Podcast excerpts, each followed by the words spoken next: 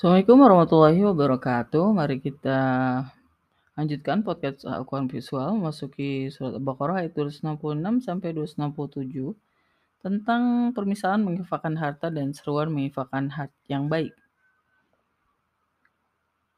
Sebelumnya kita akan lihat dulu sekilas apa yang dibahas di surat Al-Baqarah ayat 264 sampai 265. Pada ayat 264 Allah membahas tentang seruan kepada orang-orang beriman untuk tidak membuat batil sodakoh mereka dengan mengingat itu dan kesakitan atau gangguan seperti yang menginfakkan hartanya untuk dilihat manusia atau ria dan tidak beriman dengan Allah dan hari akhir. Maka pemisahan itu semisal batu mulus atau situ debu, maka menimpa atas itu hujan besar. Maka tersisa itu gunung dan tidak memiliki kontrol kekuasaan manusia atas segala sesuatu yang mereka usahakan. Dan Allah tidak memberi petunjuk kaum kafir. Sedangkan di ayat 265-nya adalah pemisahan orang yang menginfakkan harta mereka karena mencari keridhaan Allah dan yakin dari diri mereka sendiri, semisal kebun pada ketinggian menimpa itu hujan deras, maka memberikan panen dua kali. Maka jika tidak menimpa itu hujan besar, maka gerimis. Dan Allah dengan apa yang kamu lakukan paling melihat. Itu yang dibahas di kedua ayat sebelumnya, apa yang dibahas di kedua ayat selanjutnya, itu ayat 266 dan 267, kita bacakan dulu kedua ayat ini. A'udzu billahi minasyaitonir rajim. أود أحدكم أن تكون له جنة من نخيل أو وأعناب تجري من تحتها الأنهار له فيها من كل الثمرات الثمرات وأصابه الكبر وله ذرية ضعفاء فأصابها إعصار فيه نار فاهترقت كذلك يبين الله لكم الآيات لعلكم تتفكرون Akankah mencintai satu dari kalian bahwa itu menjadi bagi dia taman dari pohon kurma dan pohon anggur mengalir dari bawahnya sungai-sungai bagi dia dalam itu dari semua buah-buahan dan menimpa dia usia tua dan bagi dia anak-anak lemah dan menimpa pada itu angin puyuh dalam itu api setelah itu terbakar lalu membuat jelas Allah bagi kamu ayat-ayat maka agar kamu memikirkannya kita bacakan ayat 267 surat Al-Baqarah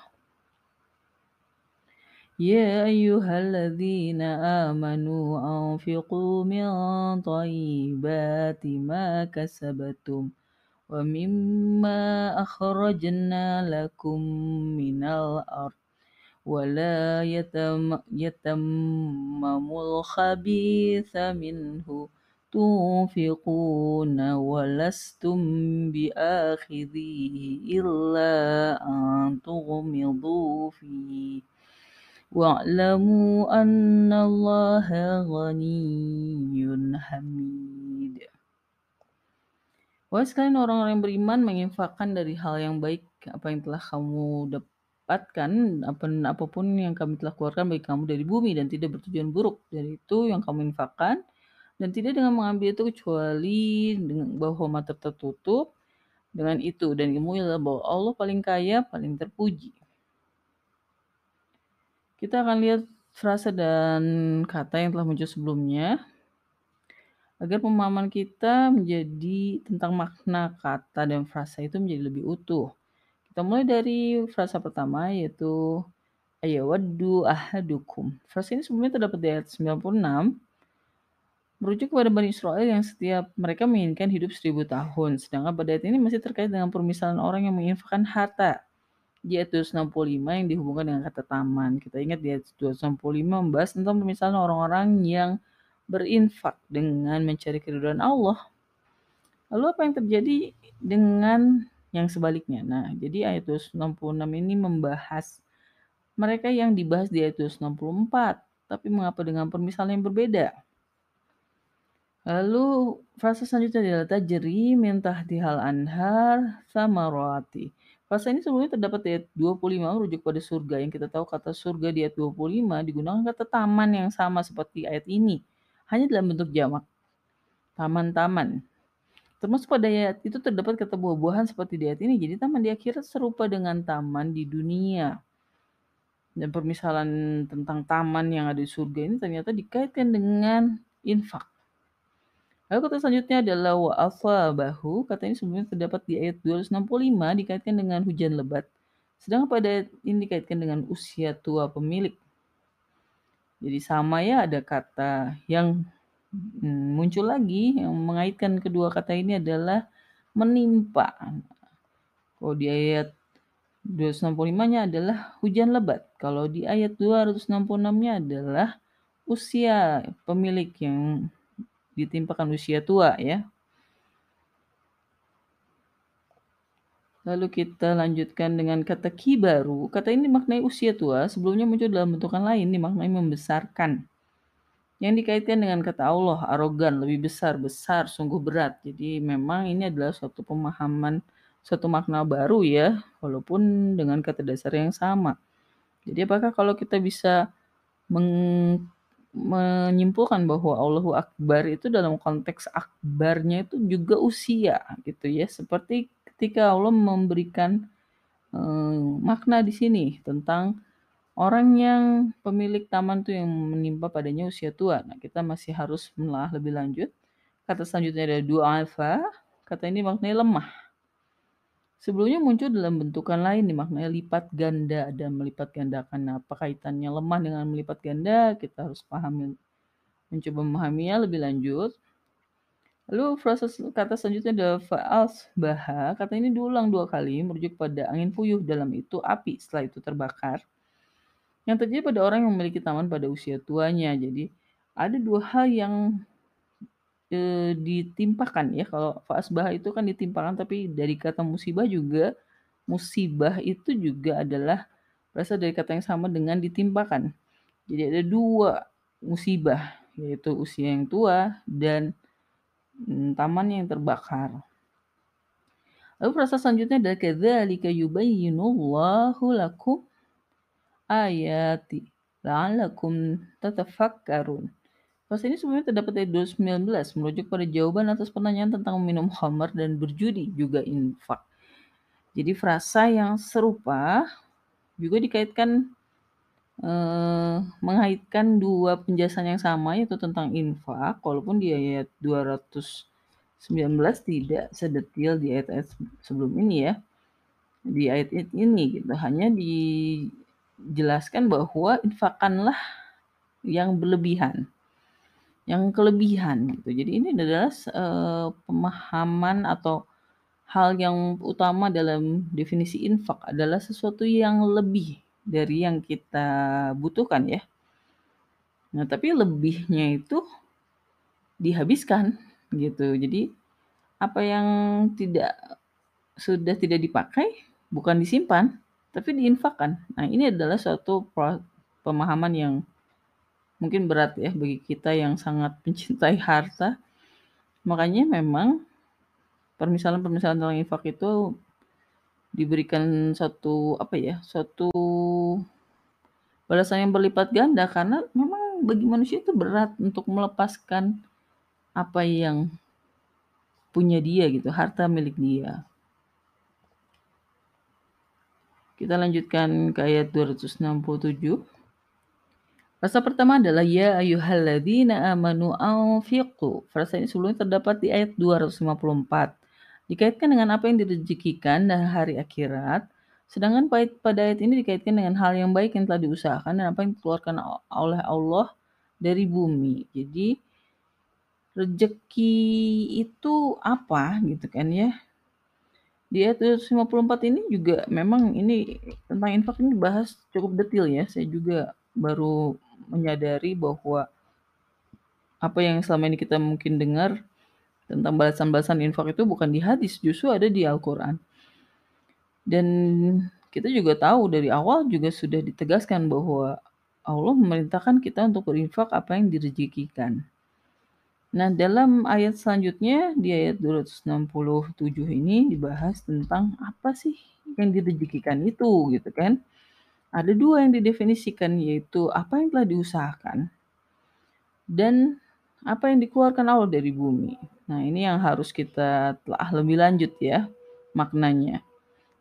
Kata selanjutnya adalah toyib, toyibati. Kata ini sebelumnya dikaitkan dengan makanan yang direzekikan, tapi pada ayat ini merujuk kepada yang diusahakan. Jadi bukan hanya sesuatu yang uh, rezeki dalam bentuk makanan, tapi juga ada hal yang lain. Nah, apa hal yang lain itu? Apa yang diusahakan itu? Kasabatum. Kata ini memaknai apa yang diusahakan sejauh ini dipahami sebagai perbuatan yang ada nilai ekonominya atau keuntungan secara materi. Sedangkan kita tahu bahwa kata kasabetum ini berkaitan dengan orang-orang yang menjual ayat-ayat Allah misalnya salah satunya ada nilai ekonomi yang dilakukannya makanya digunakan kata kasabetum. Nah baru pada ayat ini dimaknai positif ya. Sebelumnya dimaknai memang negatif karena berkaitan dengan menjual ayat-ayat Allah misalnya. Lalu frasa selanjutnya adalah akhroj. Akhrojna lakum minnal art Fase ini serupa dengan yang terdapat di ayat 61 surat Al-Baqarah merujuk pada tumbuhan. Jadi apa yang dikeluarkan Allah dari bumi adalah berkaitan dengan hasil bumi ya. Ya seperti uh, tumbuhan-tumbuhan seperti itu. Tapi apa yang diusahakan beda lagi. Nah, itu harus ditelaah apa perbedaannya. Bahasa selanjutnya adalah bi'ahidhihi. Kata ini baru muncul dalam bentukan ini pada ayat ini dimaknai mengambil Sedangkan pada sebelumnya dimaknai mengambil atau menghukum. Jadi apa bedanya mengambil dengan mengambil itu dan menghukum? Pada ini merujuk pada larangan menginfakkan yang bahkan mereka tidak mau melihatnya dan sebelumnya dikaitkan dengan niat buruk. Sungguh banyak sekali tata cara infak eh, dan Allah menerangkannya dengan detail. Jadi eh, di ayat 267 ini kata mengambil ini spesifik gitu ya, spesifik, spesifik berkaitan dengan apa yang diusahakan, apa yang telah diusahakan dan apa yang uh, dikeluarkan Allah dari bumi. Nah, tapi kaitannya adalah niat buruk. Ada niat buruk dari apa yang diinfakkan. Misalnya membuang yang buruk gitu ya, membuang misalnya hasil bumi yang cacat atau ya intinya sih dia tidak berniat baik ketika berinfak akhirnya dia mengambil hal yang buruk untuk diinfakkan. Lalu frasa selanjutnya Anallaha ghani. Frasa ini sebelumnya terdapat di ayat 263 yang dikaitkan dengan kata paling penyantun. Sedangkan di ayat ini dikaitkan dengan kata paling terpuji. Sama-sama merujuk pada tata cara infak yaitu perkataan ma'ruf dan pengampunan lebih baik daripada berinfak. Seraya mengingat kedermawanan dan gangguan. Jadi penegasannya dari apa yang dilakukan uh, di ayat uh, 263 dan 267 sama-sama ya. Karena Allah mengingatkan bahwa sebetulnya kalau Allah itu paling kaya, maha kaya, jadi sebetulnya Allah tidak membutuhkan infak manusia. Nah, ini kan berarti yang membutuhkan untuk berinfak itu manusia sendiri, baik manusia yang tidak um, tidak cukup maupun manusia yang sendiri yang cukup. Tapi karena perintah ini adalah berinfak, maka sebetulnya kita tidak perlu merasa memberikan sesuatu pada Allah gitu karena Allah paling kaya. Jadi sebetulnya kita sendiri yang membutuhkan uh, membutuhkan Allah sehingga kita memberikan infak itu. Jadi emang gitu ya pola logikanya gitu bahwa pada dasarnya orang-orang kaya itu harus sadar bahwa mereka tidak lebih kaya dari Allah dan bahwa bagaimanapun mereka membutuhkan kekayaan dari Allah dalam bentuk justru dengan melepaskan kekayaan yang mereka miliki. Dan ini ada logika yang menurut saya menarik ya bahwa kita walaupun sebetulnya ini adalah uh, teori atau logika yang sering dibahas oleh orang lain gitu bahwa kalau kamu memberi maka kamu akan mendapatkan yang lebih banyak dan hal seperti itu. Tapi yang jadi harus catatan bahwa ini bukan demi kepentingan manusia itu sendiri kepada manusia lain dan juga tidak dengan niat buruk tapi karena benar-benar mencari keriduan Allah ini yang harus digarisbawahi dengan juga dengan syarat-syarat yang telah dipaparkan sebelumnya. Maka kesimpulan dari kedua ayat ini adalah pada ayat 266, ayat ini masih merupakan kelanjutan dari ayat 264 yang membahas tentang mereka yang menginfakkan hartanya dengan ria.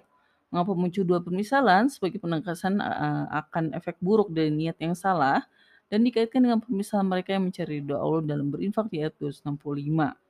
Ayat 267 masih merupakan kelanjutan dari ayat 266 dan masih satu rangkaian dengan ayat 254 seruan kepada orang beriman untuk berinfak menyoroti pada apa yang diinfakkan dan niat berinfak maupun hal yang seperti apa yang diinfakkan. Jadi penjelasan-penjelasan terus saling melengkapi satu sama lain dari ayat sebelumnya di ayat 267 eh, ini dilengkapi lagi dilengkapi lagi. Seperti itulah pembahasan di ayat 266 dan 267 surat Al-Baqarah. Sebelum kita tutup mari kita bacakan kedua ayat ini lagi. A'udzu billahi minasyaitonir rajim. أيود أحدكم أن تكون له جنة من نخل من نخيل وأعناب تجري من تحتها الأنهار. له فيها من كل الثمرات وأصابه الكبر وله ذرية ضعفاء. فأصابها إعصار فيه نار فاحترقت. كذلك يبين الله لكم الآيات لعلكم تتفكرون.